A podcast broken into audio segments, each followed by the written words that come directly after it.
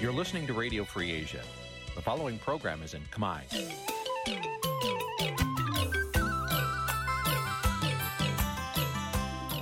នេះជាកម្មវិធីផ្សាយ Vuthu Azizi Serai នេះជាកម្មវិធីផ្សាយរបស់ Vuthu Azizi Serai ជាភាសាខ្មែរ Vuthu Azizi Serai សូមស្វាគមន៍លោកអ្នកនាងទាំងអស់ពីរដ្ឋធានី Washington នៃសហរដ្ឋអាមេរិកចាប់ផ្សាយផ្ទាល់ពីរដ្ឋធានី Washington នាងខ្ញុំសុជីវីសូមជម្រាបសួរលោកអ្នកនាងអ្នកស្ដាប់ Vuthu Azizi Serai ទាំងអស់ជាទីមេត្រីយើខ្ញុំសូមជូនការផ្សាយសម្រាប់យប់ថ្ងៃអាទិត្យ15កើតខែអាសត់ឆ្នាំថោះបញ្ញស័កពុរសករាជ2567ចាប់ដែលត្រូវនៅថ្ងៃទី29ខែតុលាគ្រិស្តសករាជ2023ចាជាដំបូងនេះសូមអញ្ជើញលោកអ្នកនាងស្ដាប់ព័ត៌មានប្រចាំថ្ងៃដែលមានមេត្តាដូចតទៅ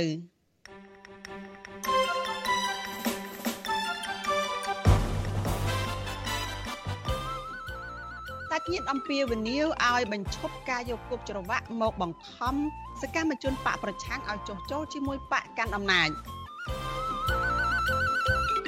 រដ្ឋាភិបាលក្រុងកាត់បន្ថយថវិកាជាតិជាង500លានដុល្លារនៅក្នុងឆ្នាំ2024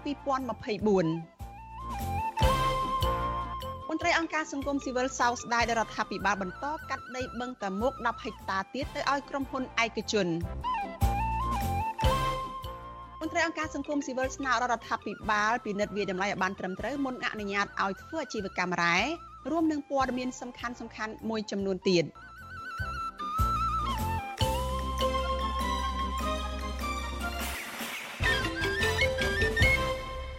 តែជាបន្តទៅទៀតនេះនាងខ្ញុំសុជីវីសូមជូនព័ត៌មានទីនេះពិស្ដាចលនានាងជាទីមេត្រី គ្រួសារស្នើរដ្ឋាភិបាល ថាបញ្ឈប់ការយកគុកច្រវាក់ ដើម្បីដាក់សម្ពាធលើសកម្មជនបកប្រឆាំងឲ្យផ្លាស់ប្ដូរយោបល់ទៅចុះចូលជាមួយនឹងបកកាន់អំណាចតទៅទៀតពួកគេទាមទារឲ្យផ្ដល់ភាពស្អាតស្អំនិងដោះលែងសមាជិកគ្រួសាររបស់ពួកគេឲ្យមានសេរីភាពមកវិញដោយគ្មានការគៀបសង្កត់ដាក់សម្ពាធណាមួយចាស់មន្ត្រីសិទ្ធិមនុស្សជំរុញទៅរដ្ឋាភិបាលឲ្យដោះស្រាយវិវាទនយោបាយដើម្បីស្ដារប្រជាធិបតេយ្យនិងកែលម្អប្រព័ន្ធយុត្តិធម៌ឡើងវិញ។ ចាលោកនាងនៅបានស្ដាប់សេចក្តីរាយការណ៍នេះនៅក្នុងការផ្សាយរបស់យើងនៅពេលបន្តិចទៀតចាជាមួយគ្នានេះនាងខ្ញុំក៏នឹងមានសម្ភារផ្ទាល់មួយចាជាមួយនឹងសាច់ញាតិរបស់អ្នកជាប់ឃុំម្នាក់នៅឯក្រុងប៉ោយប៉ែតខេត្តបន្ទាយមានជ័យចាសូមអញ្ជើញលោកនាងចាតាមដានការផ្សាយរបស់យើងចាកិច្ចសម្ភារនេះនិងសេចក្តីរាយការណ៍នេះនៅក្នុងការផ្សាយរបស់យើងនៅពេលបន្តិចទៀតនេះកម្មវិធី Vithu Azizi ស្រីសម្រាប់ទូរស័ព្ទដៃអាចឲ្យលោកនាងអានអត្ថបទ ទស្សនាវីដេអូនិងស្ដាប់ការផ្សាយផ្ទាល់ដោយឥតគិតថ្លៃនិងដោយគ្មានការរំខានដើម្បីអាននិងទស្សនាមេតិការថ្មីថ្មីពី Vithu Azisari លោកអ្នកនាងគ្រាន់តែចុចបាល់កម្មវិធីរបស់ Vithu Azisari ដែលបានដំឡើងរួចរាល់លើទូរស័ព្ទដៃរបស់លោកអ្នកនាង ប្រសិនបើលោកអ្នកនាងចង់ស្ដាប់ការផ្សាយផ្ទាល់ឬការផ្សាយចាស់ចាស់សូមចុចលើប៊ូតុងរូបវិទ្យុដែលស្ថិតនៅផ្នែកខាងក្រោមនៃកម្មវិធីជាការស្រេច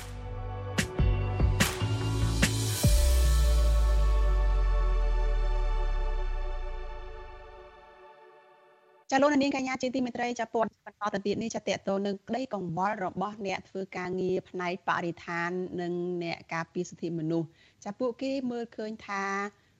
ក្តីបារម្ភរបស់ពួកគេនេះចាគឺតាក់ទងទៅនឹងការកាត់ជ្រៀលដីបន្ថែមទៀតពីចេញពីបឹងតមោកទៅឲ្យក្រុមហ៊ុនឯកជន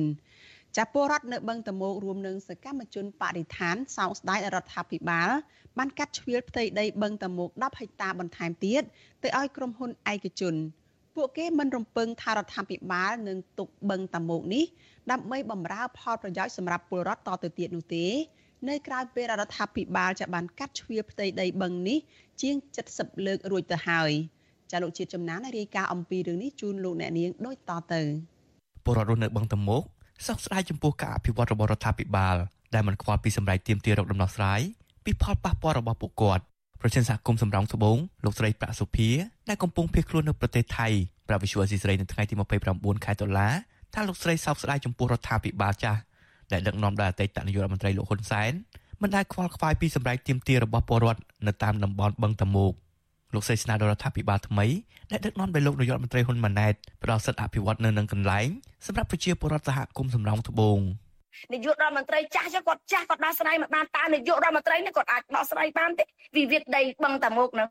ឬមួយក៏ចង់អភិវឌ្ឍនៅប្រទេសកម្ពុជានេះឲ្យប្រជាពលរដ្ឋកាន់តែទឹកភ្នែកទៅទឹកភ្នែកទៅនោះវាលើកមុខលើកមាត់នាយករដ្ឋមន្ត្រីមែន ការលើកឡើងនេះក្រោយពីសមាគមធៀងថ្នោតកាលពីថ្ងៃទី28ខែតុលាបានចុះផ្សាយពីអនុក្រឹត្យដែលបានកាត់ផ្ទៃដីបឹងតាមុកលើកទី74របស់អតីតនាយករដ្ឋមន្ត្រីលោកហ៊ុនសែនចំនួន10ហិកតាបន្ថែមទៀតស្ថិតនៅសង្កាត់ពុងសាំងខណ្ឌព្រែកភ្នៅរាជធានីភ្នំពេញទៅឲ្យក្រុមហ៊ុនរយ៉ាគ្រប់របស់អ្នកអង្គការគិតមេងវិសុវស៊ីសេរីនៅពុំអាចតាក់ទងប្រធានអង្គភិបអ្នកនាំពាក្យរដ្ឋាភិបាលលោកប៉ែនប៊ុនណាដើម្បីសុំការអធិប្បាយជុំវិញបញ្ហានេះបាននៅឡើយទេនៅថ្ងៃទី29ខែតុលាតែទោះជាយ៉ាងណា សកម្មជនបដិឋានលោកលីចន្ទរាវុធមានប្រសាសន៍ថាលោកមិនរំពឹងថារដ្ឋាភិបាលនឹងរក្សាបឹងតមោកដែលជាអាងស្តុកទឹកសម្រាប់ប្រជាជនភ្នំពេញនោះទេហើយរដ្ឋាភិបាលនៅតែបន្តកាត់ជ្រៀលផ្ទៃបឹងនេះតទៅទៀតលោកបានថែមថាលោកមើលមិនឃើញពីសារៈសំខាន់ផ្នែកសេដ្ឋកិច្ចជាតិនិងផលប្រយោជន៍សម្រាប់ប្រជាពលរដ្ឋមូលដ្ឋាននោះទេបន្ទាប់ពីការកាត់ជ្រៀលផ្ទៃបឹងតមោកទៅឲ្យក្រុមអុកញ៉ាទាំងនោះ។ កន្លែងណាដែលលុបហើយយើងមិនអាចទាញវាចេញមកវិញបានទេបើន័យថាយើងមិនអាចកាយវិញបានទេប៉ុន្តែយ៉ាងហោចណាស់សូមរក្សាទុកអ្វីដែលនៅសល់ដើម្បីជាប្រយោជន៍ដល់កូនចៅចំនួនក្រោយកាត់បន្ថយការលិចទឹកនៅក្នុងទីក្រុងភ្នំពេញហើយជាពិសេសនោះគឺយើងអាចរក្សាទុកបឹងនោះទៅជាកន្លែងដែលប្រជាពលរដ្ឋនឹងអាចទៅលំហែកាយក្រោយពេលដែលគាត់ធ្វើការងារហត់អញ្ចឹងគាត់ stress គាត់អាចទៅរំសាយទុកកង្វល់របស់គាត់បានកាលពីឆ្នាំ2016បឹងតាមុកមានផ្ទៃដីបឹងទំហំជាង3000ហិកតា នៅក្នុងរាជធានីភ្នំពេញត្រូវបានរដ្ឋាភិបាលដែលដឹកនាំដោយអតីតនាយករដ្ឋមន្ត្រីលោកហ៊ុនសែនបានកាត់ជ្រៀលជាបន្តបន្ទាប់ទៅឲ្យភាគច្រើនជាក្រុមអុកញ៉ាអ្នកមានអំណាចដែលជាសាច់ញាតិឬទីប្រឹក្សាជំនួយរបស់លោកហ៊ុនសែនរួមទាំងក្រុមសាច់ញាតិនិងកូនចៅរបស់មន្ត្រីជាន់ខ្ពស់ក្នុងជួររដ្ឋាភិបាលដើម្បីសាងសង់ជាអគារផ្សេងផ្សេងរួមទាំងផ្ទះល្វែងជាដើមការកាត់ជ្រៀលដីនោះបានធ្វើឲ្យប៉ះពាល់ដល់ប្រជាពលរដ្ឋនៅក្បែរបឹងតមុកដែលប្រកបរបរចិញ្ចឹមជីវិតដោយពឹងផ្អែកទៅលើផ្ទៃបឹងដូចជាបេះឈូកដកប្រលិត និងចិញ្ចឹមត្រីជាដើមលើពីនេះប្រជាពលរដ្ឋមួយចំនួននៅតំបន់បឹងតាមុកដែលបានទាមទាររដ្ឋាភិបាលផ្ដល់សិទ្ធិអភិវឌ្ឍនៅនឹងកន្លែងស្របពេលដែលរដ្ឋាភិបាលចង់បណ្ដេញពួកគាត់ចេញដោយបង្ខំដើម្បីយកទៅចែកឲ្យបាក់ពួកខ្លួនបន្ថែមពីនេះអាជ្ញាធរបានប្រើប្រាស់ប្រព័ន្ធតុលាការចោតប្រកាន់ទៅលើពួកគាត់ក្រោមបទចោតប្រមទ័នមួយចំនួនដូចជាបទហិង្សាដោយចេតនាមានស្ថានទម្ងន់ទោសនិងប្រឆាំងអ្នករាជការសាធារណៈនៅពេលដែលពលរដ្ឋទាំងនោះតវ៉ារារាំងមិនឲ្យអាជ្ញាធរចុះរុះរើផ្ទះរបស់ពួកគាត់ ទោះជាយ៉ាងណាក្តីពលរដ្ឋនៅតំបន់បឹងតមុកនិងសកម្មជនបរិស្ថាននៅតែទទូចរដ្ឋាភិបាលរក្សាផ្ទៃបឹងតមុកទុកជាអាងស្តុកទឹកសម្រាប់រាជធានីភ្នំពេញនិងជាប្រយោជន៍សម្រាប់ប្រជាពលរដ្ឋនៅក្នុងតំបន់ខ្ញុំបាទជាចំណាន Visual ស៊ីស្រីប្រធានាទី Washington គេសម្ញែងទ្រព្យសម្បត្តិដូចភរិយារបស់លោកហ៊ុនម៉ាណីអ្នកស្រីយឹមឆៃលីនអីហ្នឹងអញ្ចឹងគឺថាគាត់ទៅដើរកម្មវិធីរហូតដល់មហោស្រពក្រុងការនៅបារាំងសម្ញែងគ្រឿងពេជ្រជ្រែកខ្លួនអញ្ចឹងណា ហើយការសំបីតែគេទៅពិនិត្យសុខភាពអីតិចតួចក៏គេទៅក្រៅប្រទេសបើគេដើរលេងវិញគឺថាអត់មានមកដើរលេងនៅក្នុងស្រុកទេគឺទៅទៅបរទេសប៉ុន្តែដែលឡៃពលរដ្ឋយើងគ្រាន់តែអឺដូចថាទីតាំងមួយដើម្បីពួកគាត់ទៅជួបជុំគ្នាហ្នឹងក៏ដូចតែពួកគាត់ទទួលអារម្មណ៍ពិសេសហ្នឹងហើយប្រព័ន្ធហ្នឹងហើយនៅមិនមិនមិនអស់ចិត្តទេដែលឆ្លៀតដើរទៅផ្សាយពាណិជ្ជកម្មប្រាប់ប្រជាពលរដ្ឋនៅខាងជនបទដៃសយ៉ាលនៅខាងក្រៅប្រទេសហ្នឹងថា ប្រទេសកំពុងតែមានការរីកចម្រើនជឿនលឿនអភិវឌ្ឍអីចឹងជាដើមគាត់ថាបាទគាត់បានបើកឲ្យប្រជាពលរដ្ឋចូលទៅមើលប្រទេសចំហហ្នឹងសម្រាប់ខ្ញុំខ្ញុំគិតថាវាគឺជារឿងមួយដែលចង់អួតខ្លួនឯងទេគាត់ចង់អួតថានេះអានេះសមិទ្ធផលរបស់រដ្ឋាភិបាលឲ្យប្រជាជនមើលអាចនិយាយថាប្រជាជនគាត់ទទួលបានចំណេះដឹងមួយដែលគាត់បានស្គាល់តែនឹងពលានយន្តហោះថ្មីដែលតែបង្កើតដែរប៉ុន្តែអ្វីមួយទៀតនោះការលើកឡើងរបស់អ្នកគ្រប់គ្រងរដ្ឋាភិបាលថានេះបើសិនជាអត់មានរដ្ឋាភិបាលដែលចូលទេ គ្រួសាររបស់ដែលចូលទេពលានយន្តហោះហ្នឹងក៏អត់មានដែរតែជាក់ស្ដែង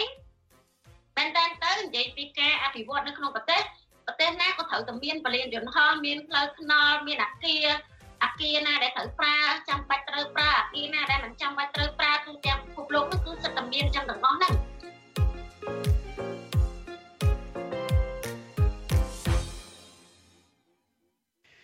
ចាលោកនាងកញ្ញាប្រិយមិត្តជាទីមេត្រីចាលោកអ្នកកំពុងស្ដាប់វិទ្យុអាស៊ីសេរីចាផ្សាយចេញពីរដ្ឋធានី Washington សហរដ្ឋអាមេរិក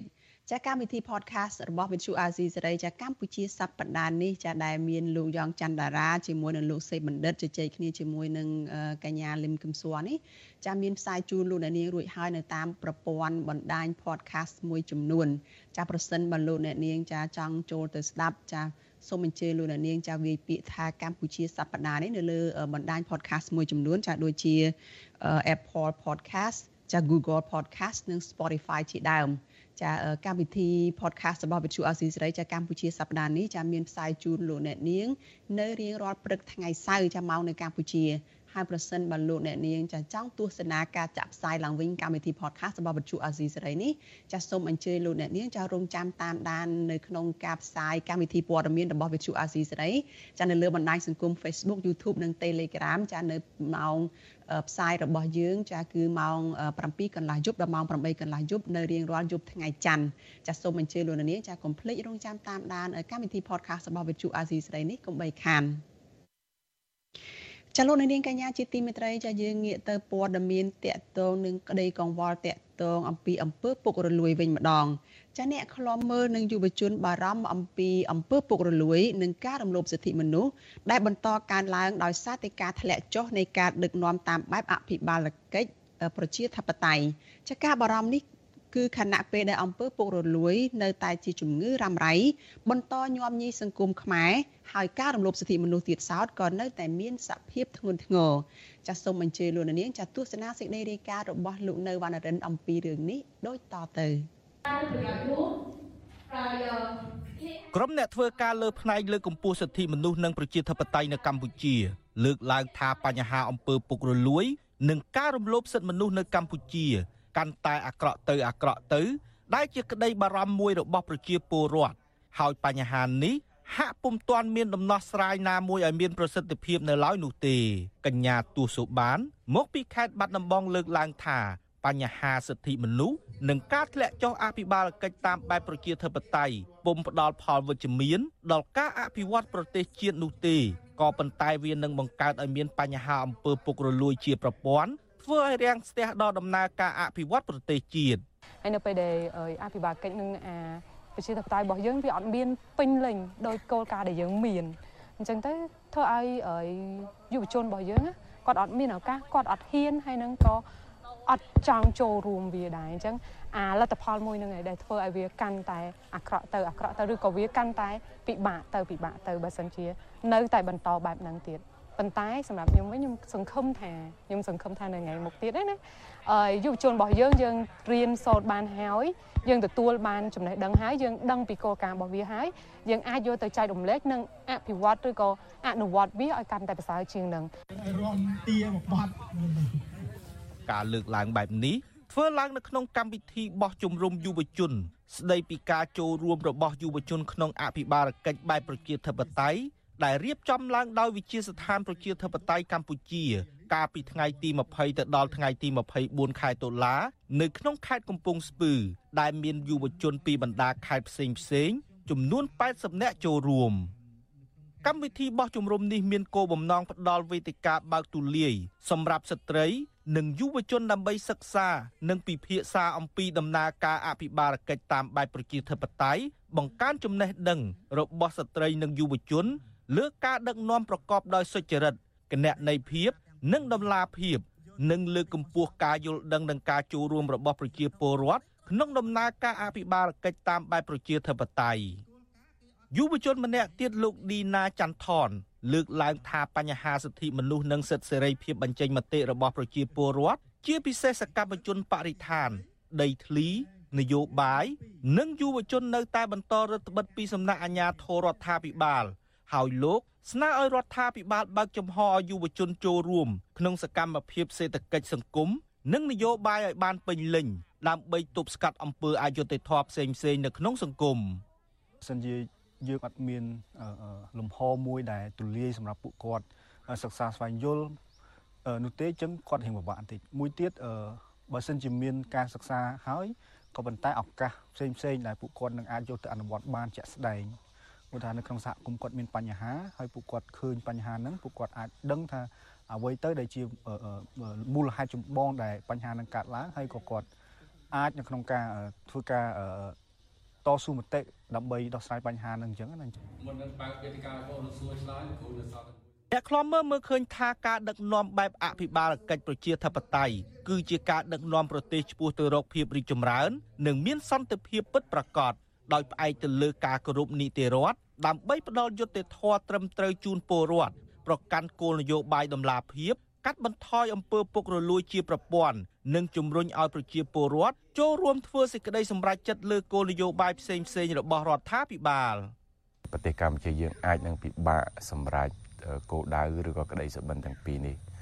ពីព្រោះថាបើយើងនិយាយភាសាសាមញ្ញថាបើសិនជាក្បាលរទេះភ្លើងអុសទៅតែឯងប៉ុន្តែប្រងនៅខាងក្រោយនេះមិនមិនបានចូលរួមឬក៏មិនផ្ដល់ឱកាស ឲ្យក្នុងការចូលរួមទេវាប្រៀបបានទៅនឹងខ្សែរទេះភ្លើងមួយដែលមានតែក្បាលដើរណាក្បាលអ្នកទាញប៉ុន្តែកតុយនឹងมันអាចចូលរួមបានឬក៏កតុយខ្លះបែកកង់ទៅទៀតយើងធ្វើដំណើរដឹកនាំនាវាកម្ពុជាឆ្ពោះទៅសម្រាប់ចក្ខុវិស័យដើម្បីវឌ្ឍនភាពរបស់ជាតិយើងនឹងអាចយឺតយ៉ាវឬក៏មិនសម្រេចគោលដៅបាទ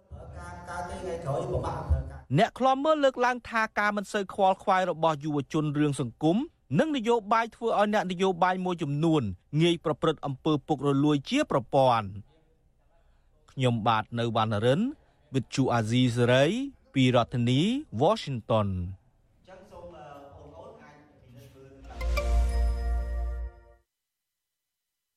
ចាលោកនាងកញ្ញាប្រិយមិត្តជាទីមេត្រីចាស្របពេលដែលក្រុមអង្គការសង្គមស៊ីវិលចានាំគ្នាជួបជុំគ្នាហើយលើកឡើងពីក្តីបារម្ភទាក់ទងនឹង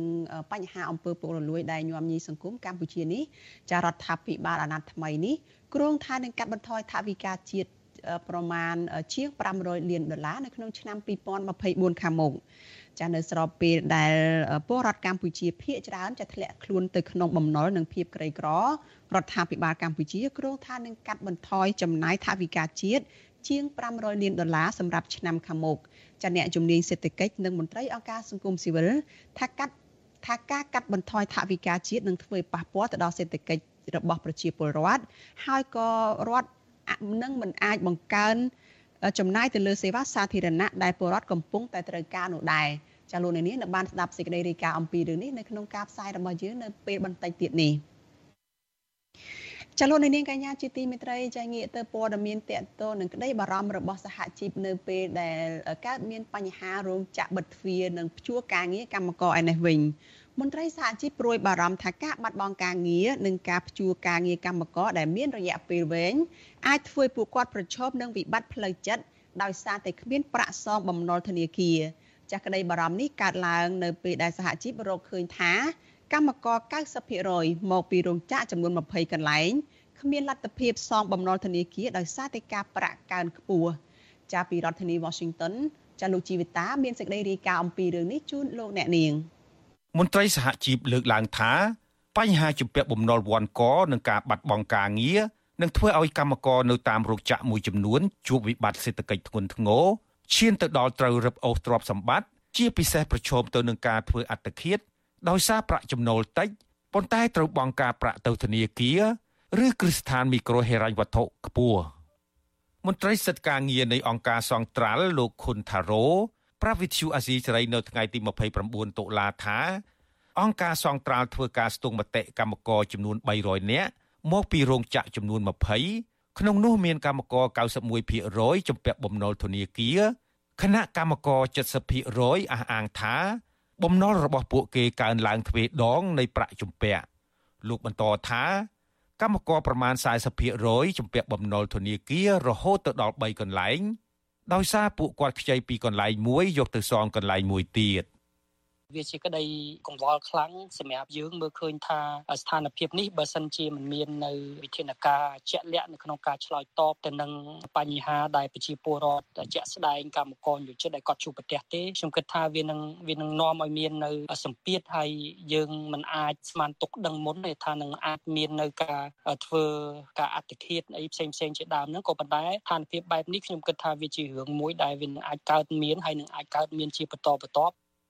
បំណុលវ័នកទាំងនេះបានធ្វើឲ្យកម្មករមួយចំនួនបាត់បង់ជីវភាពរស់នៅសមរម្យប៉ះពាល់ដល់សុខភាព បង្ខំចិត្តចាក់ចោលស្រុកទៅក្រៅប្រទេសដោយខុសច្បាប់ ហើយកម្មករមួយចំនួនទៀតបានបង្ខំចិត្តឲ្យកូនកូនឈប់រៀនដើម្បីងាកមកជួយរកប្រាក់ដោះស្រាយបំណុលវិទ្យុអាស៊ីសេរីមិនអាចតាក់ទងប្រធានអង្គភិបអ្នកណែនាំពាក្យរដ្ឋាភិបាលលោកប៉ែនបូណា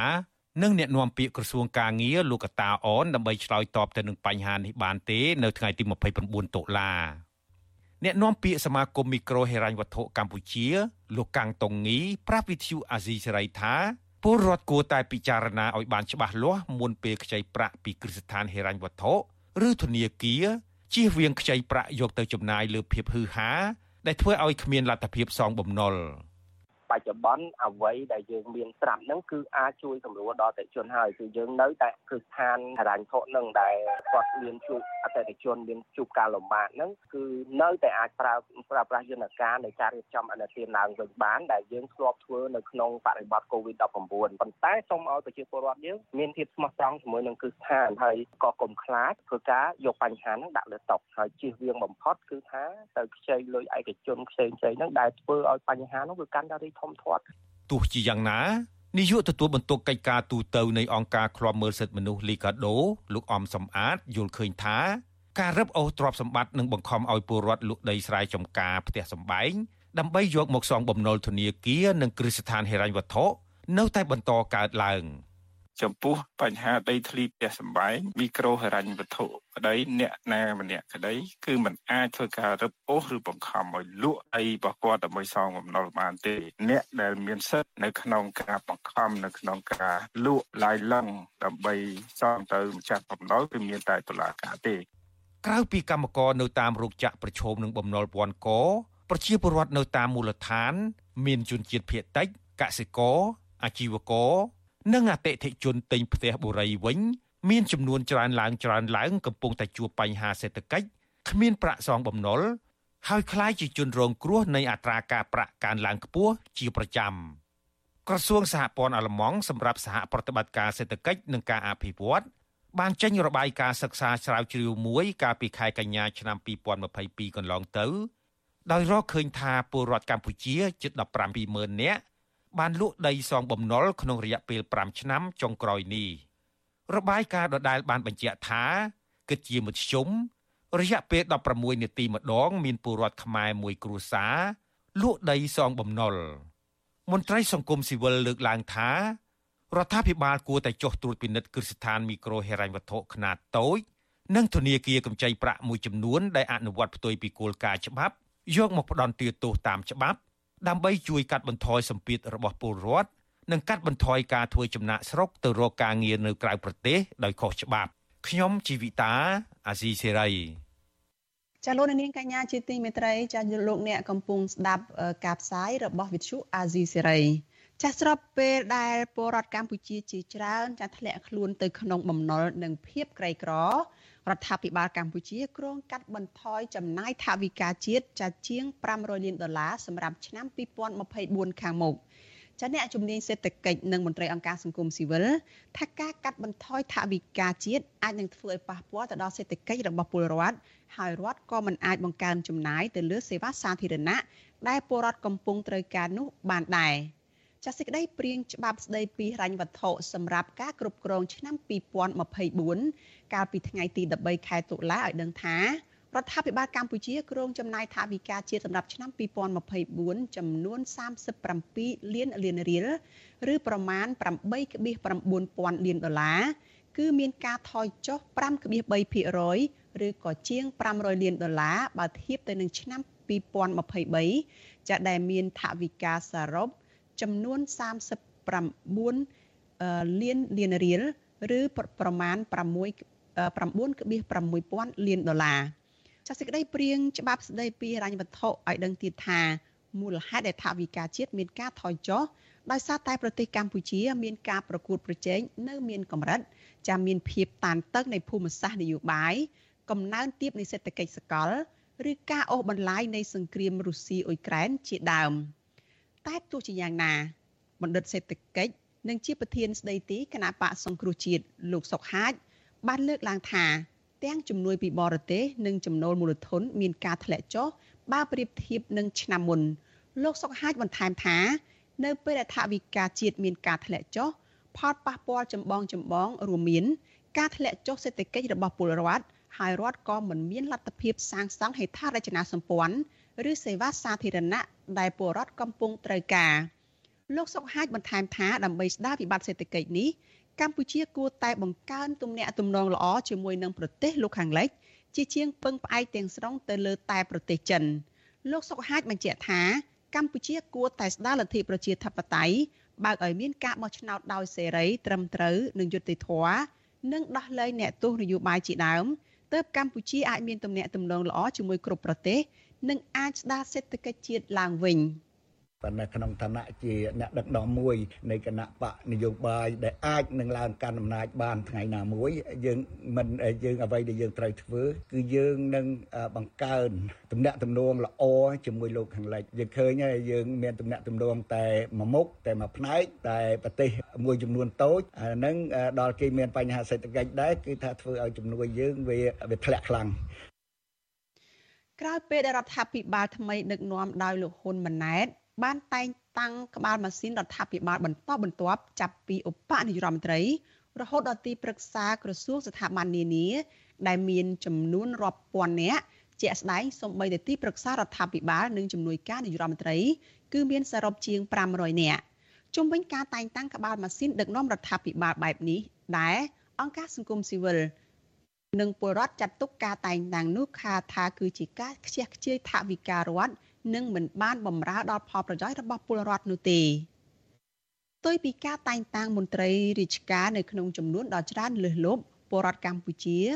អាចរកប្រាក់ចំណូលបាននៅក្នុងម្នាក់ម្នាក់នោះគឺតិចជាង2000ដុល្លារនៅក្នុងមួយឆ្នាំ និងកម្ពស់រស់និងកំពុងរស់នៅទាំងត្រដរជាមួយនឹងភាពក្រីក្រ និងបំណុល ជាក់ស្ដែងរបាយការណ៍របស់ធនាគារពិភពលោកនៅក្នុងឆ្នាំ2022ថាអត្រាជាមធ្យមនៃបំណុលតាមខ្នងផ្ទះធៀបទៅនឹងចំណាយតាមខ្នងផ្ទះនៅកម្ពុជាឈរនៅក្នុងកម្រិត65%នៅក្នុងឆ្នាំ2019ដែលជាកម្រិតខ្ពស់ខុសពីធម្មតាសម្រាប់ប្រទេសមួយដែលស្ថិតនៅក្នុងដំណាក់កាលនៃការអភិវឌ្ឍដូចជានៅកម្ពុជានេះរបាយការណ៍ដដែលព្រមានថាបំណុលទាំងនេះមិនត្រូវបានគេយកមកប្រើប្រាស់ប្រកបដោយផលិតភាពនោះទេ នេះមានន័យថាបំណុលទាំងនោះមិនបានបង្កើតឲ្យមានចំណូលមកវិញដែលអាចត្រូវគេយកមកប្រើប្រាស់ដើម្បីតែដោះបំណុលនោះទេការនេះនឹងនាំឲ្យមានកង្វល់ថាការខ្ចីបុលជាច្រើនហួសហេតុអាចបង្ខំឲ្យមនុស្សធ្លាក់ទៅក្នុងអន្ទាក់បំណុលដ៏គ្រោះថ្នាក់មួយចាវិទ្យុអាស៊ីសេរីនៅមិនទាន់អាចសុំការឆ្លើយតបរឿងនេះពីអ្នកនាំពាក្យក្រសួងសេដ្ឋកិច្ចនិងហិរញ្ញវត្ថុលោកមាសសុកសេនសានបាននៅឡើយទេ នៅថ្ងៃទី19ខែ នៅថ្ងៃទី28ខែតុលានាយកប្រតិបត្តិនៃអង្គការដំឡាភិបកម្ពុជាលោកពេជ្រពិសីមានប្រសាសន៍ថាមូលហេតុដែលមានការថមថយនៅថវិកាជាតិដោយសារតែប្រភពនៃការធ្លាក់ចុះនៅចំណូលមូលធន ការលក់មូលបត្រនិងកម្ចីបរទេសប៉ុន្តែចំណូលពីពន្ធកើនឡើងវិញ លោកបៃលោកពេជ្រពិសីក៏សម្គាល់ថារដ្ឋាភិបាលព្យាយាមកាត់បន្ថយការចំណាយដោយសារតែក្បាលម៉ាស៊ីនរបស់រដ្ឋាភិបាល មានច្រើនហួសកម្រិត លោកពេជ្រពិសីបន្ថែមទៀតថារដ្ឋាភិបាលកាត់បន្ថយការចំណាយទៅលើវិស័យសាធារណៈដូចជាហេដ្ឋារចនាសម្ព័ន្ធផ្លូវសាលារៀននិងមន្ទីរពេទ្យជាដើមអាចនឹងធ្វើឲ្យប៉ះពាល់ទៅដល់ការលូតលាស់នៃសេដ្ឋកិច្ចជាតិហើយប្រជាពលរដ្ឋនៅតែមិនទទួលបានសេវាសាធារណៈបានប្រសើរដដែលយើងបារម្ភដែរគឺជាទូទៅកាលណាចំណាយមូលធនថមថយគឺនឹងមានផលប៉ះពាល់បន្តទៅសេដ្ឋកិច្ចជាតិបាទ ជាទូទៅនៅក្នុងបរិបទដែលសេដ្ឋកិច្ចខ្សោយរដ្ឋាភិបាលជាពិសេសនៅក្នុងបរិបទដែលវិនិយោគយើងមានការថមថយរដ្ឋាភិបាលត្រូវបង្កើនខ្ទង់ចំណាយវិនិយោគសាធារណៈដូចជាការកសាងហេដ្ឋារចនាសម្ព័ន្ធការរៀបចំការតបជាប់សេដ្ឋកិច្ចបូរសេដ្ឋកិច្ចហើយគម្រោងរដ្ឋផ្សេងៗនេះគឺគេត្រូវពង្រីក ចអ្នកជំនាញសេដ្ឋកិច្ចនិងមន្ត្រីអង្គការសង្គមស៊ីវិលក៏ស្នើរដ្ឋាភិបាលថាឲ្យប្រើប្រាស់ថវិកាជាតិនៅក្នុងចំនួនដ៏តិចតួចនេះឲ្យមានប្រសិទ្ធភាព និងតម្លាភាពគឺរដ្ឋាភិបាលគួរតែបង្ហាញខ្ទង់ចំណាយនានាឲ្យសាធារណជនបានដឹង និងអាចកាត់បន្ថយអំពើពុករលួយកម្មវិធី Vithu Azizi ស្រីសម្រាប់ទូរស័ព្ទដៃអាចឲ្យលោកអ្នកនាង អានអត្ថបទទស្សនាវីដេអូ និងស្ដាប់ការផ្សាយផ្ទាល់ដោយឥតគិតថ្លៃនិងដោយគ្មានការរំខានដើម្បីអាននិងទស្សនាមេតិការថ្មីថ្មីពី Vithu Azisari លោកអ្នកនាងគ្រាន់តែចុចបាល់កម្មវិធីរបស់ Vithu Azisari ដែលបានដំឡើងរួចរាល់លើទូរស័ព្ទដៃរបស់លោកអ្នកនាង ប្រសិនបើលោកអ្នកនាងចង់ស្ដាប់ការផ្សាយផ្ទាល់ឬការផ្សាយចាស់ចាស់សូមចុចលើប៊ូតុងរូបវិទ្យុដែលស្ថិតនៅផ្នែកខាងក្រោមនៃកម្មវិធីជាការស្រេច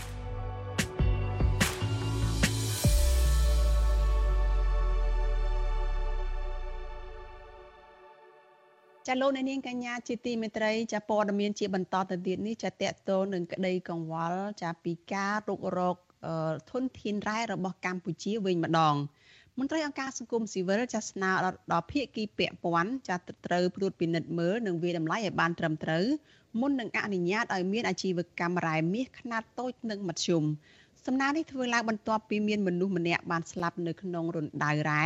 ដោយខ្វះបច្ចេកទេសនិងឧបករណ៍គ្រប់គ្រាន់នៅក្នុងការទាញយករ៉ែចាលោកនៅវណ្ណរិន មានសេចក្តីរាយការណ៍មួយទៀតអំពីរឿងនេះជូនលោកអ្នកនាងដូចតទៅ កម្មករជីករ៉ែមាសម្នាក់បានស្លាប់បាត់បង់ជីវិតនៅពេលចុះទៅក្នុងរណ្ដៅដោយសារតែរណ្ដៅមានជាតិពុលដែលមានជម្រៅប្រមាណ50ម៉ែត្រករណីនេះកើតឡើងនៅក្នុងភូមិរំដេងឃុំរុំទុំ ស្រុករវៀងខេត្តព្រះវិហារកាលពីថ្ងៃទី19ខែតុលាកន្លងទៅនាយកអង្គការពន្លកខ្មែរដែលមានទីតាំងនៅក្នុងខេត្តព្រះវិហារលោកពឹកសុភ័ណ្ឌ ប្រាប់វិទ្យុអាស៊ីសេរីនៅថ្ងៃទី29ខែតុលាថាកម្មករជីករ៉ែមាសនៅក្នុងខេត្តព្រះវិហារភ ieck ច្រើនជាលក្ខណៈក្រុមហ៊ុនតូចតូច និងមធ្យមដែលកំពុងមមាញឹកនៅក្នុងការរុករករ៉ែមាសយកទៅលក់ឲ្យឈ្មួញធំធំៗលោកបន្ថែមថាក្រុមហ៊ុនធ្វើអាជីវកម្មទាំងនោះមិនមានលក្ខណៈស្តង់ដារត្រឹមត្រូវទៅតាមបច្ចេកទេសទាញយករ៉ែនោះទេដូច្នេះទើបបណ្ដាលឲ្យកម្មករទាំងនោះប្រឈមនឹងគ្រោះថ្នាក់កើតឡើង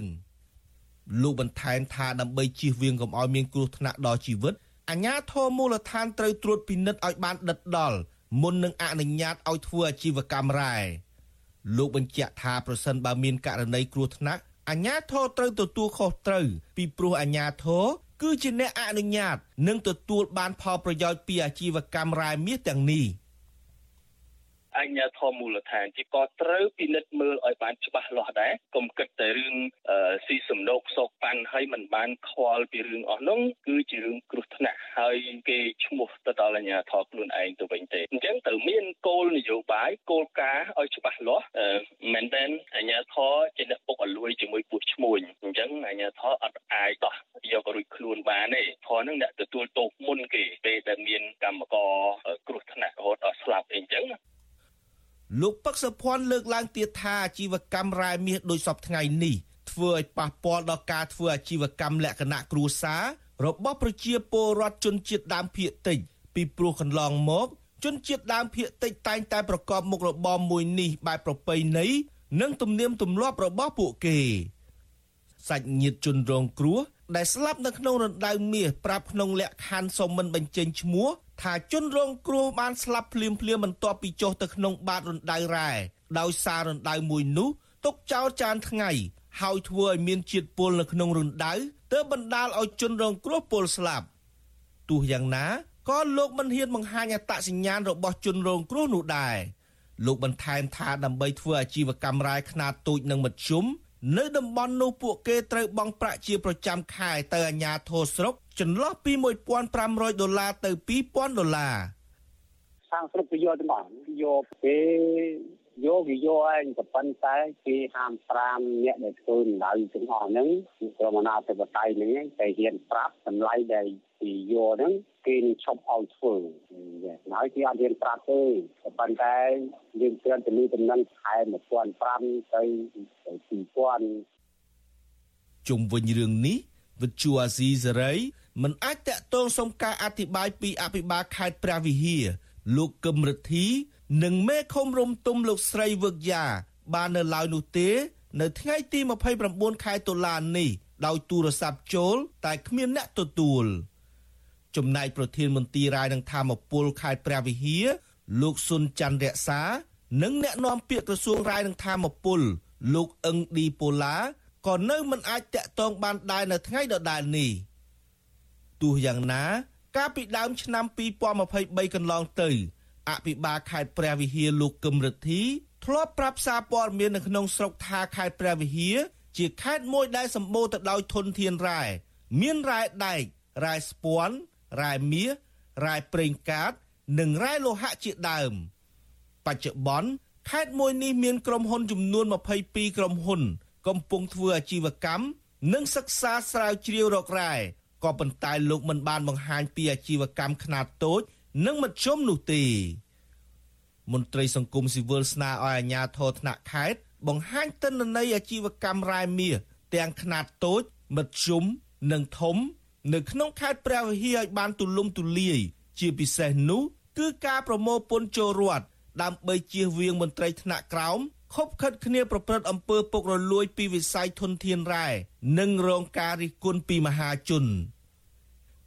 ខ្ញុំបាទនៅវណ្ណរិន With Chu Azizi Saray ពីរដ្ឋធានី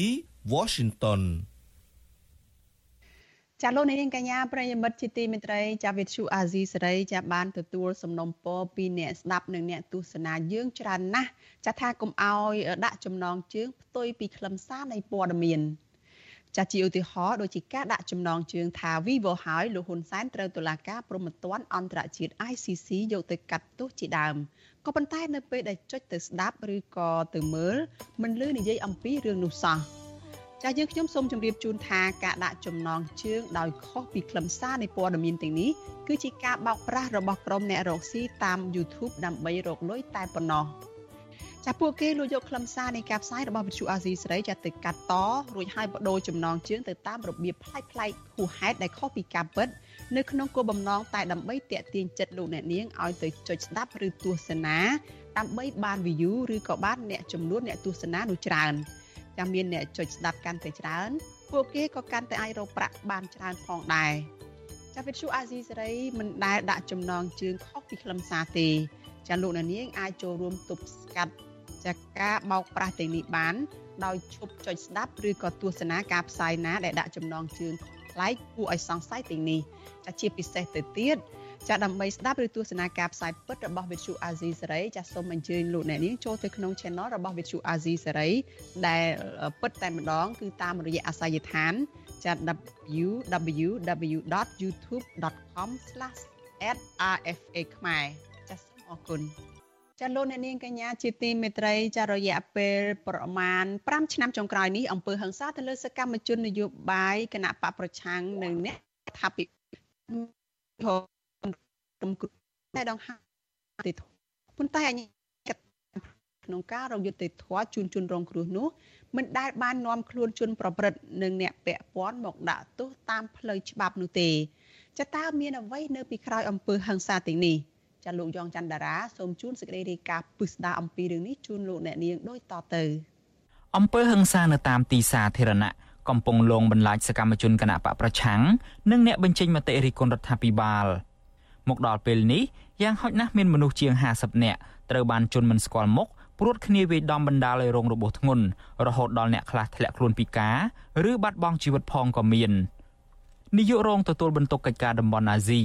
នៃអង្គការឃ្លាំមើលសិទ្ធិមនុស្សអន្តរជាតិ Human Rights Watch លោក Phil Robertson វិដំឡៃថា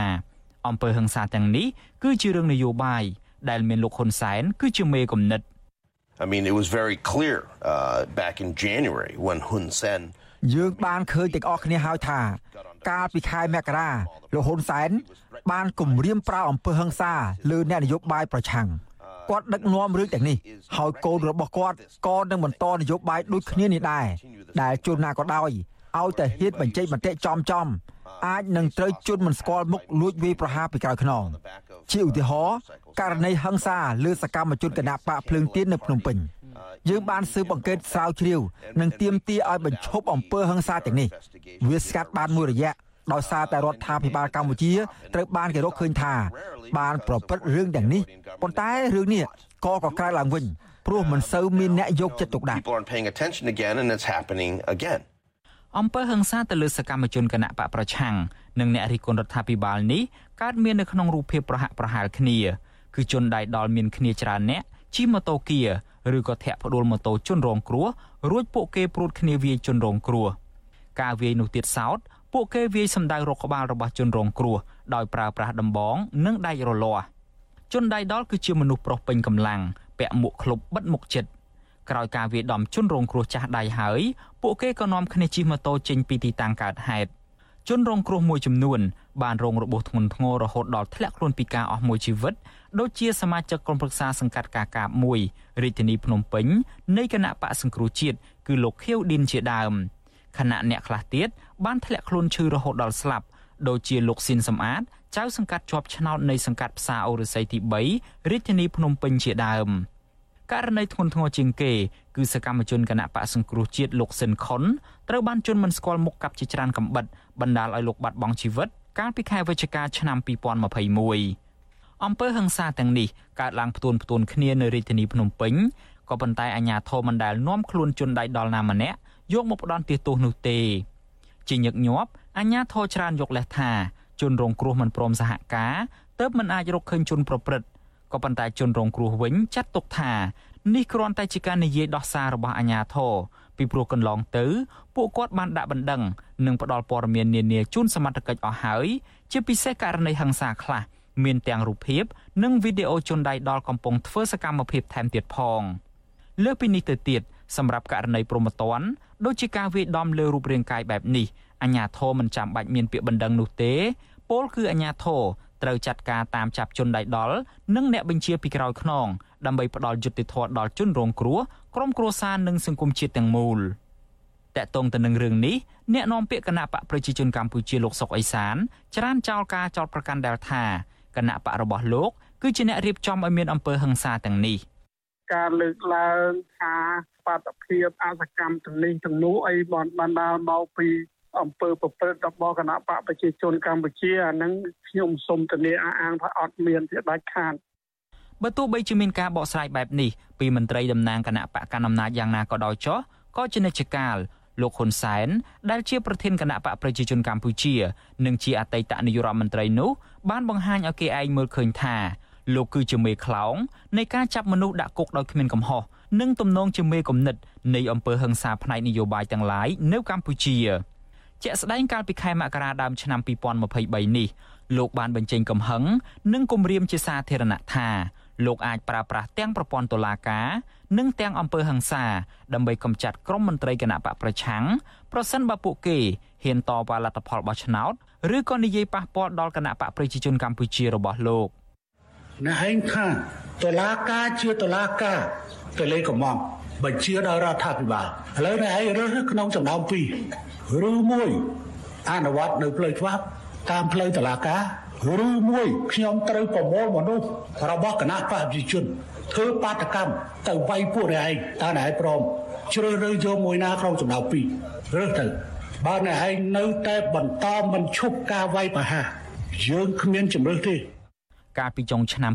2015ក្រុមជនដៃឆៅ ដែលជាកងអង្គរៈរបស់លោកហ៊ុនសែនបាននាំគ្នាព្រួតវាយតំណាងរាស្ត្រពីររូបនៃគណៈបកសង្គ្រោះជាតិគឺលោកកុងសុភានិងលោកញយចម្រើនស្ទើរស្លាប់ស្ទើររស់នៅមុខរដ្ឋសភាក្រោយពីលោកហ៊ុនសែនបានបើកភ្លើងខៀវឲ្យក្រុមដៃជើងរបស់លោកលើកគ្នាមកធ្វើបាតុកម្មទម្លាក់លោកកឹមសុខាពីតំណែងអនុប្រធានទី1រដ្ឋសភានៅពេលនោះដោយសារតែមានវីដេអូបង្ហាញឲ្យឃើញមុខអ្នកវាយប្រហារជនរងគ្រោះច្បាស់ច្បាស់និងមានសម្ពាធពីមហាជនកាន់តែខ្លាំងផងនោះលោកហ៊ុនសែន ក៏បានបង្គាប់ឲ្យក្រុមកងអង្គរៈរបស់លោកទាំងនោះចូលខ្លួនសារភាព។ជនដៃដល់3នាក់នៅក្នុងចំណោមជនដៃដល់ជាច្រើនអ្នកផ្សេងទៀតរួមមានលោកចាយសរិទ្ធលោកម៉ៅហឿននិងលោកសុតវណ្ណីបានចូលសារភាពតុលាការបានផ្តន្ទាទោសពួកគេទាំង3នាក់ឲ្យជាប់ពន្ធនាគារចំនួន4ឆ្នាំក៏ប៉ុន្តែអនុវត្តទោសតែ1ឆ្នាំប៉ុណ្ណោះដោយទោសដែលនៅសល់ត្រូវបានព្យួរក្រោយពេលផុតការអនុវត្តទោស1ឆ្នាំនេះលោកហ៊ុនសែនបានដំឡើងបនស័កពួកគេទាំង3នាក់ នៅក្នុងនោះមានម្នាក់ឡើងដល់ផ្កាយ1និងពីរនាក់ទៀតឡើងដល់ស័ក5នៅក្នុងជួរយោធាថែមទៀតផងអ្នកការពារសិទ្ធិមនុស្សអន្តរជាតិលោក Phil Robertson មានប្រសាសន៍ថាគោលដៅនៃអង្គើហឹង្សាផ្នែកនយោបាយទាំងនេះគឺដើម្បីបំបិតសម្លេងប្រឆាំងនិងសម្លេងរិះគន់រដ្ឋាភិបាល it's important to remember going back that uh you know CP វាសំខាន់ណាស់ដែលយើងត្រូវចាំទាំងអស់គ្នាថាកន្លងទៅ ពួកជនដៃឆៅរបស់គណៈបកប្រជាជនកម្ពុជា បានអូសតំណាងរាស្ត្រចេញពីឡាន ហើយវាយដំចំធាក់គេនៅខាងមុខរដ្ឋសភា សកម្មភាពហិង្សាអស់ទាំងនេះជារបៀបរបបរបស់គណៈបកប្រជាជនកម្ពុជា និងរដ្ឋាភិបាលកម្ពុជានេះ ជាវិធីដែលពួកគេអនុវត្តការបំផិតបំភ័យនិងបន្លាចដើម្បីព្យាយាមធ្វើឲ្យអ្នករិះគន់ប្រឆាំងរដ្ឋាភិបាលនៅស្ងាត់ស្ងៀមអនុប្រធានគណៈបកភ្លើងទៀនខណ្ឌពោធិ៍សែនជ័យរាជធានីភ្នំពេញនិងជាជនរងគ្រោះមួយរូបគឺលោកនុលពងធីរិតឲ្យដឹងថាលោកមានអាការៈឈឺក្បាលជាប់ជាប្រចាំតាំងពីត្រូវបានគេវាយពីឆ្នាំមុននោះមកម្យ៉ាងវិញទៀត លោកត្រូវបង្ខំចិត្តរដ្ឋបិទសិទ្ធិសេរីភាពផ្នែកនយោបាយនិងការដើរហើររបស់លោកប្រយ័ត្នគ្រប់ជំហានទាំងអស់សម្រាប់ខ្ញុំនិយាយមែនតើដូចគេវាស់ដីឲ្យយើងដើរយ៉ាងសងថ្ងៃពួកខ្ញុំត្រូវតែប្រយ័ត្នគ្រប់ជំហានហេតុអីដោយសារតែជួនប្រព្រឹត្តល្មើសមកលើរូបខ្ញុំអត់ទាន់ត្រូវបានអាជ្ញាធរលោកវេកមុខរកឃើញឬក៏ចាប់ខ្លួនបានទេជនរងគ្រោះមួយរូបទៀតដែលជាអ្នកជំនាញខាងកសិកម្មគឺលោកនីណាក់ថ្លែងថា លោកគ្មានសង្ឃឹមថានឹងទទួលបានយុត្តិធម៌នោះទេពីព្រោះតុលាការកម្ពុជាមិនឯករាជ្យគណៈសមត្ថកិច្ចវិញហាក់គ្មានឆន្ទៈរកមុខជនដៃដល់និងអ្នកពាក់ព័ន្ធនោះឡើយ។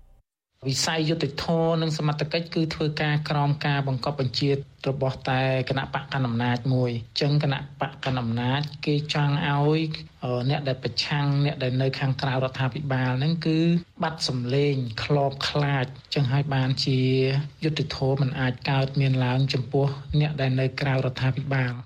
ក្រមជនរងគ្រោះបន្តទទូចដល់អាជ្ញាធរឲ្យរកយុត្តិធម៌សម្រាប់ពួកគាត់ ស្របពេលក្រុមអង្គការសិទ្ធិមនុស្សបន្តអំពាវនាវឲ្យបញ្ឈប់ជាបន្ទាន់នៅអំពើហិង្សាផ្នែកនយោបាយនេះជាមួយគ្នានេះអង្គការឃ្លាំមើលសិទ្ធិមនុស្សអន្តរជាតិ Human Rights Watch ស្នើដល់រដ្ឋាភិបាលបរទេសឲ្យចេញមុខទាមទារជាសាធារណៈទៅកាន់រដ្ឋាភិបាលកម្ពុជាឲ្យទទួលខុសត្រូវចំពោះទង្វើរំលោភបំពានច្បាប់ទាំងនេះខ្ញុំយ៉ងច័ន្ទដារាវិទ្យុអាស៊ីសេរី Washington ចាលោកនាងកញ្ញាជាទីមេត្រីចាដំណើរគ្នានឹងស្ដាប់ការផ្សាយរបស់ Vithu Azizi សេរីចានៅលើបណ្ដាញសង្គម Facebook YouTube និង Telegram នេះចាលោកនាងក៏អាចស្ដាប់ការផ្សាយផ្ទាល់របស់ Vithu Azizi សេរីនេះចាតាមរយៈ Vithu រលកធាតុអាកាសខ្លីដែរចាគឺ Post SW ចាតាមកម្រិតនិងកម្ពស់ដូចតទៅនេះ ចាប់ពេលព្រឹកចាប់ពីម៉ោង5កន្លះដល់ម៉ោង6កន្លះតាមរយៈ post SW ចា93.90 MHz ស្មើនឹងកម្ពស់ 32m និង post SW 11.85 MHz ស្មើនឹងកម្ពស់ 25m ចានឹងពេលយប់ចាប់ពីម៉ោង7កន្លះដល់ម៉ោង8កន្លះតាមរយៈ post SW 93.30 MHz ស្មើនឹងកម្ពស់ 32m ចា post SW 11.88 MHz ស្មើនឹងកម្ពស់22 25m និង post SW 15.15 MHz ស្មើនឹងកម្ពស់ 20m ចលនានាងកញ្ញាជាទីមេត្រីសេចក្តីរាយការណ៍ពីខេត្តបន្ទាយមានជ័យឯណោះឲ្យដឹងថាគ្រួសារចាស្នើដល់រដ្ឋាភិបាលឲ្យបញ្ឈប់ការយកគុកច្រវាក់ដើម្បីដាក់សម្ពាធលើសកម្មជនបកប្រឆាំងឲ្យបដូរជំហរចុះចូលជាមួយបកកាន់អំណាចតទៅទៀត។ ពួកគេទាមទារឲ្យផ្ដល់ភាពស្អាតស្អំនិងដោះលែងសមាជិកគ្រួសាររបស់ពួកគេឲ្យមានសេរីភាពដោយគ្មានការគៀបសង្កត់ដាក់សម្ពាធណាមួយចាមន្ត្រីសិទ្ធិមនុស្សក៏ជំរុញរដ្ឋាភិបាលដោះស្រាយវិវាទនយោបាយនេះដើម្បីស្ដារប្រជាធិបតេយ្យនិងកែលម្អប្រព័ន្ធយុត្តិធម៌នៅកម្ពុជាឡើងវិញចាប្រពន្ធនិងកូនរបស់សកម្មជនគណៈបកភ្លើងទៀនលើកឡើងថាការចាប់សមាជិកគ្រួសារនិងសកម្មជនដទៃទៀត ដែលជាអ្នកនយោបាយដាក់គុកជាបន្តបន្ទាប់ដោយអយុត្តិធម៌នឹងការធ្វើតាមអំពើចិត្តរួចហើយបង្ខំឲ្យពួកគេចាស់សរសេរលិខិតសុំទោសឬក៏បង្ខំឲ្យចុះចូលជាមួយកបកកណ្ដាលអំណាចគឺដើម្បីបាននៅក្រៅឃុំនោះបង្ហាញកាន់តែច្បាស់ថាប្រព័ន្ធយុតិធធម៌នៅកម្ពុជាមិនឯករាជ្យរីឯការឃុំខ្លួនអ្នកទោសមនសិការនាពេលកន្លងមកនោះគឺជាការធ្វើទុកបុកម្នេញផ្នែកនយោបាយ។ ចាកូនស្រីរបស់មន្ត្រីគណៈបកភ្លើងទៀនប្រចាំនៅក្រុងប៉ោយប៉ែតគឺលោកចៅវាសនាលោកចៅវាសនាចាគឺអ្នកស្រីចៅរតនៈចាប្រាប់វិទ្យុអាស៊ីសេរីថាដើមហេតុដែលនាំឪពុករបស់លោកស្រីជាប់ពន្ធនាគារក៏ដោយសារតែមិនព្រមចុះចូលជាមួយនឹងគណៈបកកាន់អំណាចអ្នកស្រីឲ្យដឹងទៀតថាឪពុករបស់អ្នកស្រីកំពុងតែធ្លាក់ខ្លួនឈឺដោយគ្មានឆ្មាំពន្ធនាគារយកចិត្តទុកដាក់ផ្ដល់សេវាព្យាបាលឲ្យបានត្រឹមត្រូវនោះទេ ប៉ុន្តែលោកចៅវាសនានៅតែប្រកាន់ជំហររឹងមាំនៅក្នុងការតស៊ូរហូតដល់ដាក់ជីវិតចុងក្រោយដើម្បីបុព្វហេតុជាតិនិងលទ្ធិប្រជាធិបតេយ្យអ្នកស្រីបញ្ជាក់ថាបើទោះបីជាអ្នកកាន់ដំណើរយកប្រព័ន្ធតុលាការមកគៀបសង្កត់ឲ្យលោកចៅវាសនាបដូរជំហរនយោបាយនិងទៅនឹងបំរើនឹងប្រើមនុស្សឲ្យមកអូសទាញយ៉ាងណាក្តីក៏លោកមិនអាចចុះចូលបានដែរ ចាស់ជាបន្តទៅទៀតនេះចាស់នេះខ្ញុំនឹងសម្ភារផ្ទាល់មួយជាមួយនឹងកូនស្រីរបស់លោកចៅវិស្នាចាស់គឺអ្នកស្រីចៅរតនាចាស់ដែរអ្នកស្រីនឹងចូលមកជជែកបន្ថែមអំពីស្ថានភាពរបស់លោកចៅវិស្នាដែលកំពុងតែជាប់ពន្ធនាគារនិងការអូសទាញឪពុករបស់អ្នកស្រីឲ្យចូលរួមជាមួយនឹងគណៈបកកណ្ដាលអំណាចនេះចាស់សូមជម្រាបសួរអ្នកស្រីចៅរតនាពីចម្ងាយចា៎ចាអ្នកខ្ញុំចៅរតនាសូមជម្រាបសួរប្រិយមិត្តអ្នកស្ដាប់វិទ្យុវិទ្យុអស៊ីសេរីទាំងអស់គ្នាចា ចារតនៈនៅក្នុងព័ត៌មានដែលនេះខ្ញុំបានជម្រាបជូនលោកអ្នកស្ដាប់បំបញ្ញមិញនេះគឺរតនៈអះអាងថា មានមន្ត្រីគណៈបកកណ្ដាលអំណាចមានអ្នកដែលទៅបញ្ចុះបញ្ចូលឲ្យឪពុករបស់រតនៈនឹងដែលលោកចៅវាសនាកំពុងតែជាប់ឃុំនៅឯពន្ធនាគារនឹងឲ្យសរសេរលិខិតសុំទោស ហើយនឹងត្រូវចុះចូលជាមួយនឹងគណៈបកកណ្ដាលអំណាចដើម្បីជាធ្នូនឹងការដោះលែងតើរឿងរ៉ាវនឹងយ៉ាងម៉េចខ្លះទៅចាស់រតនាចានាងខ្ញុំចៅរតនាក៏បានទទួលព័ត៌មានមុនបាជាប់ពន្ធនាគារអំពីការអឺគៀងគងឲ្យគាត់ចោះចូលហើយនឹងចូលរួមជីវភាពនយោបាយជាមួយនឹងគណៈបកកណ្ដាលអំណាចប៉ុន្តែបាទខ្ញុំបានបដិសេធរួចហើយក៏បានជូនព័ត៌មាននេះមកខ្ញុំឲ្យខ្ញុំដឹងមុនដោយសារតែ គាត់ថានៅពេលដែលយើងមិនព្រមយើងរក្សាគោលចំហដដែលគាត់នឹងមានបញ្ហាដូចជាវគ្គមុនដែលគាត់ត្រូវជាប់ពន្ធនាគារជាដាច់ខាតគាត់បាន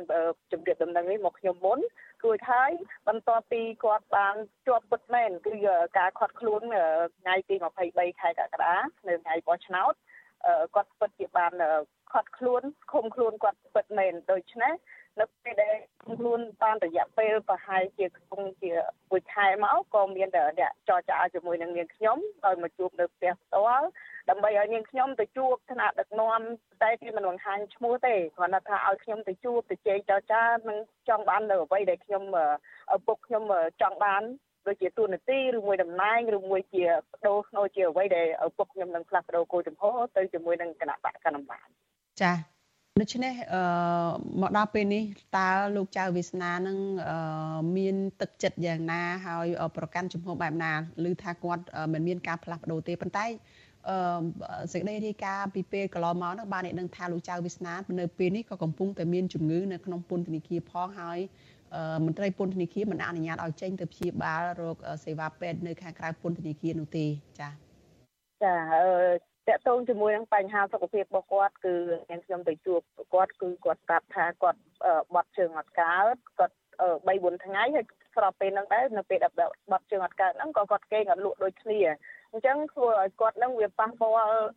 សុខភាពគាត់ខ្លាំងមែនទែនដោយសារវ័យគាត់វ័យជរាហើយម្យ៉ាងគាត់ធ្លាប់ជាប់ពន្ធនាគារ5ឆ្នាំមុនដែលគាត់ធ្លាប់ មានជំងឺហើយដែលជូនតំណែងទៅខាងមន្ត្រីពន្ធនាគារប៉ុន្តែមិនទៅមានការអើតពើយកចិត្តទុកដាក់ជាមួយនឹងគាត់ទេគាត់ថាខុសពី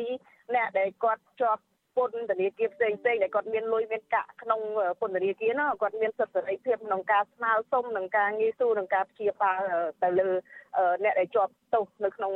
ពន្ធនាគារប៉ុន្តែបដូរមកពីគាត់ការស្នើសុំសម្បីតែឆ្នាំតិចតួចក៏មិនងាយនឹងផ្ដល់ជូនគាត់ ទាំងការជួសឈាមតតែយើងខាងគ្រួសារនេះផ្ដល់ព័ត៌មានទៅខាងក្រៅទៅបានដូចថាគាត់រៀងសកម្មភាពគាត់នឹង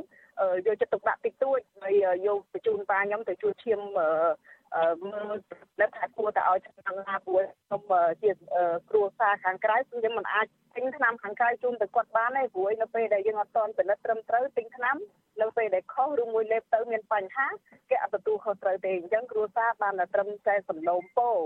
ឲ្យគាត់នឹងជួយពន្លឿននៅការព្យាបាលមកលើឪពុកខ្ញុំឲ្យដូចអ្នកដែលជាប់ពន្ធនាគារដែលមានលុយមានអំណាចដែលដែលជាប់ពន្ធនាគារនោះចាដែលដូចឪពុកខ្ញុំដែរនៅក្នុងនោះឲ្យជួយព្យាបាលហើយនឹងយកចិត្តទុកដាក់ដូចគ្នាហើយថាថាគាត់នឹងបានពិតជាបានថែទាំឲ្យស្មើស្មើគ្នាកុំឲ្យមានស្អើដែលយល់ថាតាខ្ញុំជាគណៈបកប្រឆាំងបានយកចិត្តដាក់ទុកតាខ្ញុំចោលចា ចាលោកចៅវាសនានេះចាគឺមានដើមកំណើតជាខ្មែរក្រោមចាលោកធ្លាប់ជាប់ពន្ធនាគារចាគឺត្រូវអាជ្ញាធរចាប់ដាក់ពន្ធនាគារម្ដង ហើយមានរយៈពេលដល់ទៅ5ឆ្នាំតកតងនឹងការចោទប្រកាន់ថាលោកបានប្រព្រឹត្តបទញុះញង់ចាហើយ លោកត្រូវដោះលែងមកវិញកាលពីដើមឆ្នាំ2022បន្ទាប់មកបន្ទាប់ពីលោកបានជាប់ពន្ធនាគារពេញតែម្ដងគឺរយៈពេល5ឆ្នាំចាលោកជាប់ពន្ធនាគារជាថ្មីម្ដងទៀតនេះចាបន្ទាប់ពីអាជ្ញាធរបានចោទប្រកាន់លោកពីបទញុះញង់ដែរចាហើយតាក់ទងទៅនឹង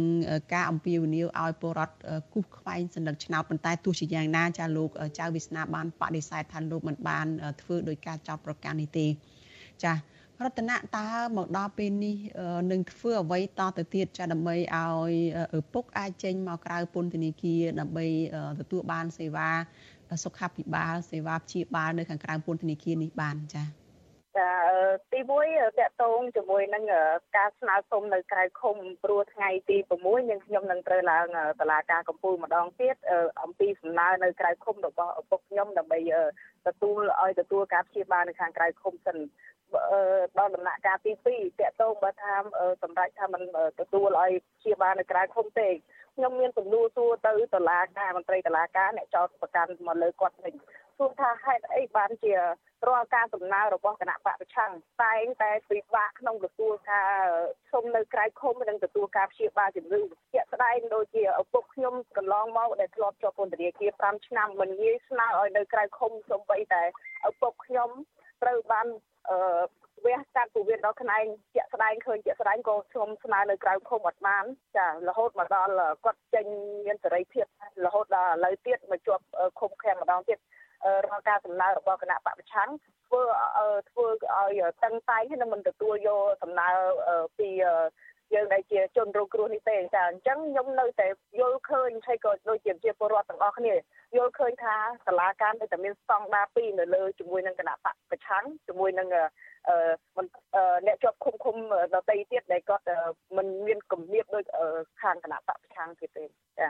រតនៈសំណួរចុងក្រោយចាតកតងទៅនឹងសេរីភាពសិទ្ធិនយោបាយសម្រាប់ពលរដ្ឋ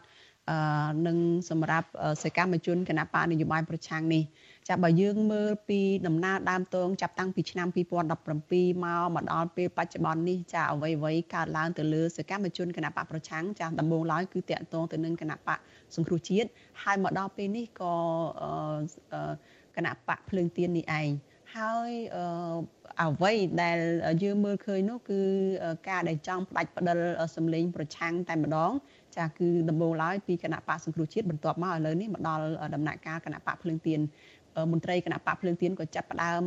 ត្រូវចាប់ដាក់ពន្ធនាគារជាបន្តបន្ទាប់ហើយមានអំពើហិង្សាកើតទៅលើពួកគាត់ ហើយមានការរារាំងមិនឲ្យពួកគាត់នឹងអាចចូលឈ្មោះបោះឆ្នោតបានហើយក៏មានការចាប់ឃុំខ្លួនដាក់ពន្ធនាគារឬក៏ការចាប់ប្រកាន់អីផ្សេងផ្សេងការអូសទាញឲ្យចូលរួមជាមួយនឹងគណៈបកកណ្ដាលអំណាចជាដើមចំពោះទស្សនៈរបស់រតនៈមកដល់ពេលនេះនឹងថាតើការធ្វើបែបនេះវាចំណេញទេឬក៏វាខាតបង់អីយ៉ាងណាខ្លះក្នុងនាមជារតនៈដែលជា ចៅសង្កាត់រងនៅក្នុងមូលដ្ឋានផងនឹងថាតើវាមើលឃើញទៅថាទង្វើបែបនេះវាខាតប្រយោជន៍អីវាខ្លះទៅដល់ប្រជាប្រដ្ឋជាពិសេសប្រជាប្រដ្ឋនៅមូលដ្ឋានតែម្ដងនឹងចា៎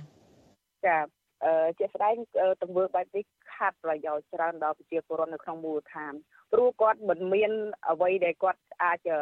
និយាយការពិតបាន នៅពេលដែលក្នុងអឺមូលដ្ឋានមួយក្នុងប្រទេសមួយដែលមានការកាន់អំណាចតែមួយបក ចាធ្វើឲ្យពលរដ្ឋដែលគាត់ចង់រិះគន់ទៅលើរាជរដ្ឋាភិបាលជាក់ស្ដែងនៅគាត់នៅពេលដែលគាត់ចង់រិះគន់លើរាជរដ្ឋាភិបាលគាត់ចេះតែយល់ថាជាបកកណ្ដាលអំណាចមានតែមួយអត់មានសម្លេងអឺគណៈបកប្រឆាំងចូលរួមនៅពេលដែលគាត់តវ៉ាឬមួយគាត់និយាយអីតែឯងតែអត់មានអ្នកហៅថាក្នុងបង្អែកការពារនៅពាក្យសម្ដីដែលគាត់ជាពលរដ្ឋដែលមានសិទ្ធិបញ្ចេញមតិទៅបានទេច្រើនតែប្រើពាក្យថាគាត់នឹងជាបកប្រឆាំងចាអញ្ចឹងនៅពេលដែលធ្វើបែបនេះធ្វើឲ្យប្រជាពលរដ្ឋ ជាមហាជនសាធារណៈមើលឃើញថាយើងអត់មានសិទ្ធិសេរីភាពគ្រប់គ្រាន់អត់មានលទ្ធិប្រជាធិបតេយ្យគ្រប់គ្រាន់ដែលយើងហៅថាពហុបកទេព្រោះអីក្នុងការចូលរួមជាមួយនឹងគណៈបកប្រឆាំងដែលធំដែលយើងថាអាចប្រកួតប្រជែងជាមួយនឹងគណៈបកកណ្ដាលអំណាចនោះมันបានមានសិទ្ធិចូលរួមផងអញ្ចឹងបង្ហាញឲ្យពលរដ្ឋមើលឃើញថាតើ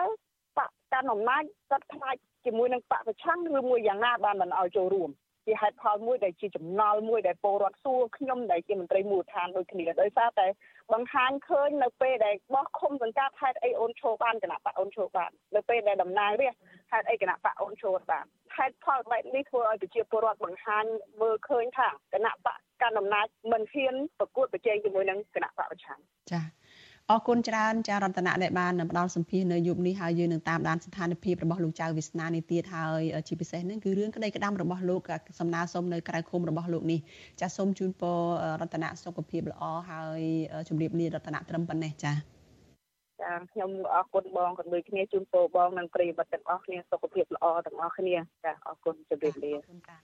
ចាចាលោកនាងកញ្ញាជាទីមេត្រីចាកផ្សាយរបស់វិទ្យុអាស៊ីសេរីនៅយប់នេះចាចាប់ត្រឹមតែប៉ុណ្ណេះចានាងខ្ញុំសុជីវីព្រមទាំងក្រុមការងារទាំងអស់នៃវិទ្យុអាស៊ីសេរីចាសូមអរគុណដល់លោកអ្នកនាងដែលតែងតែតាមដានការផ្សាយរបស់យើងហើយ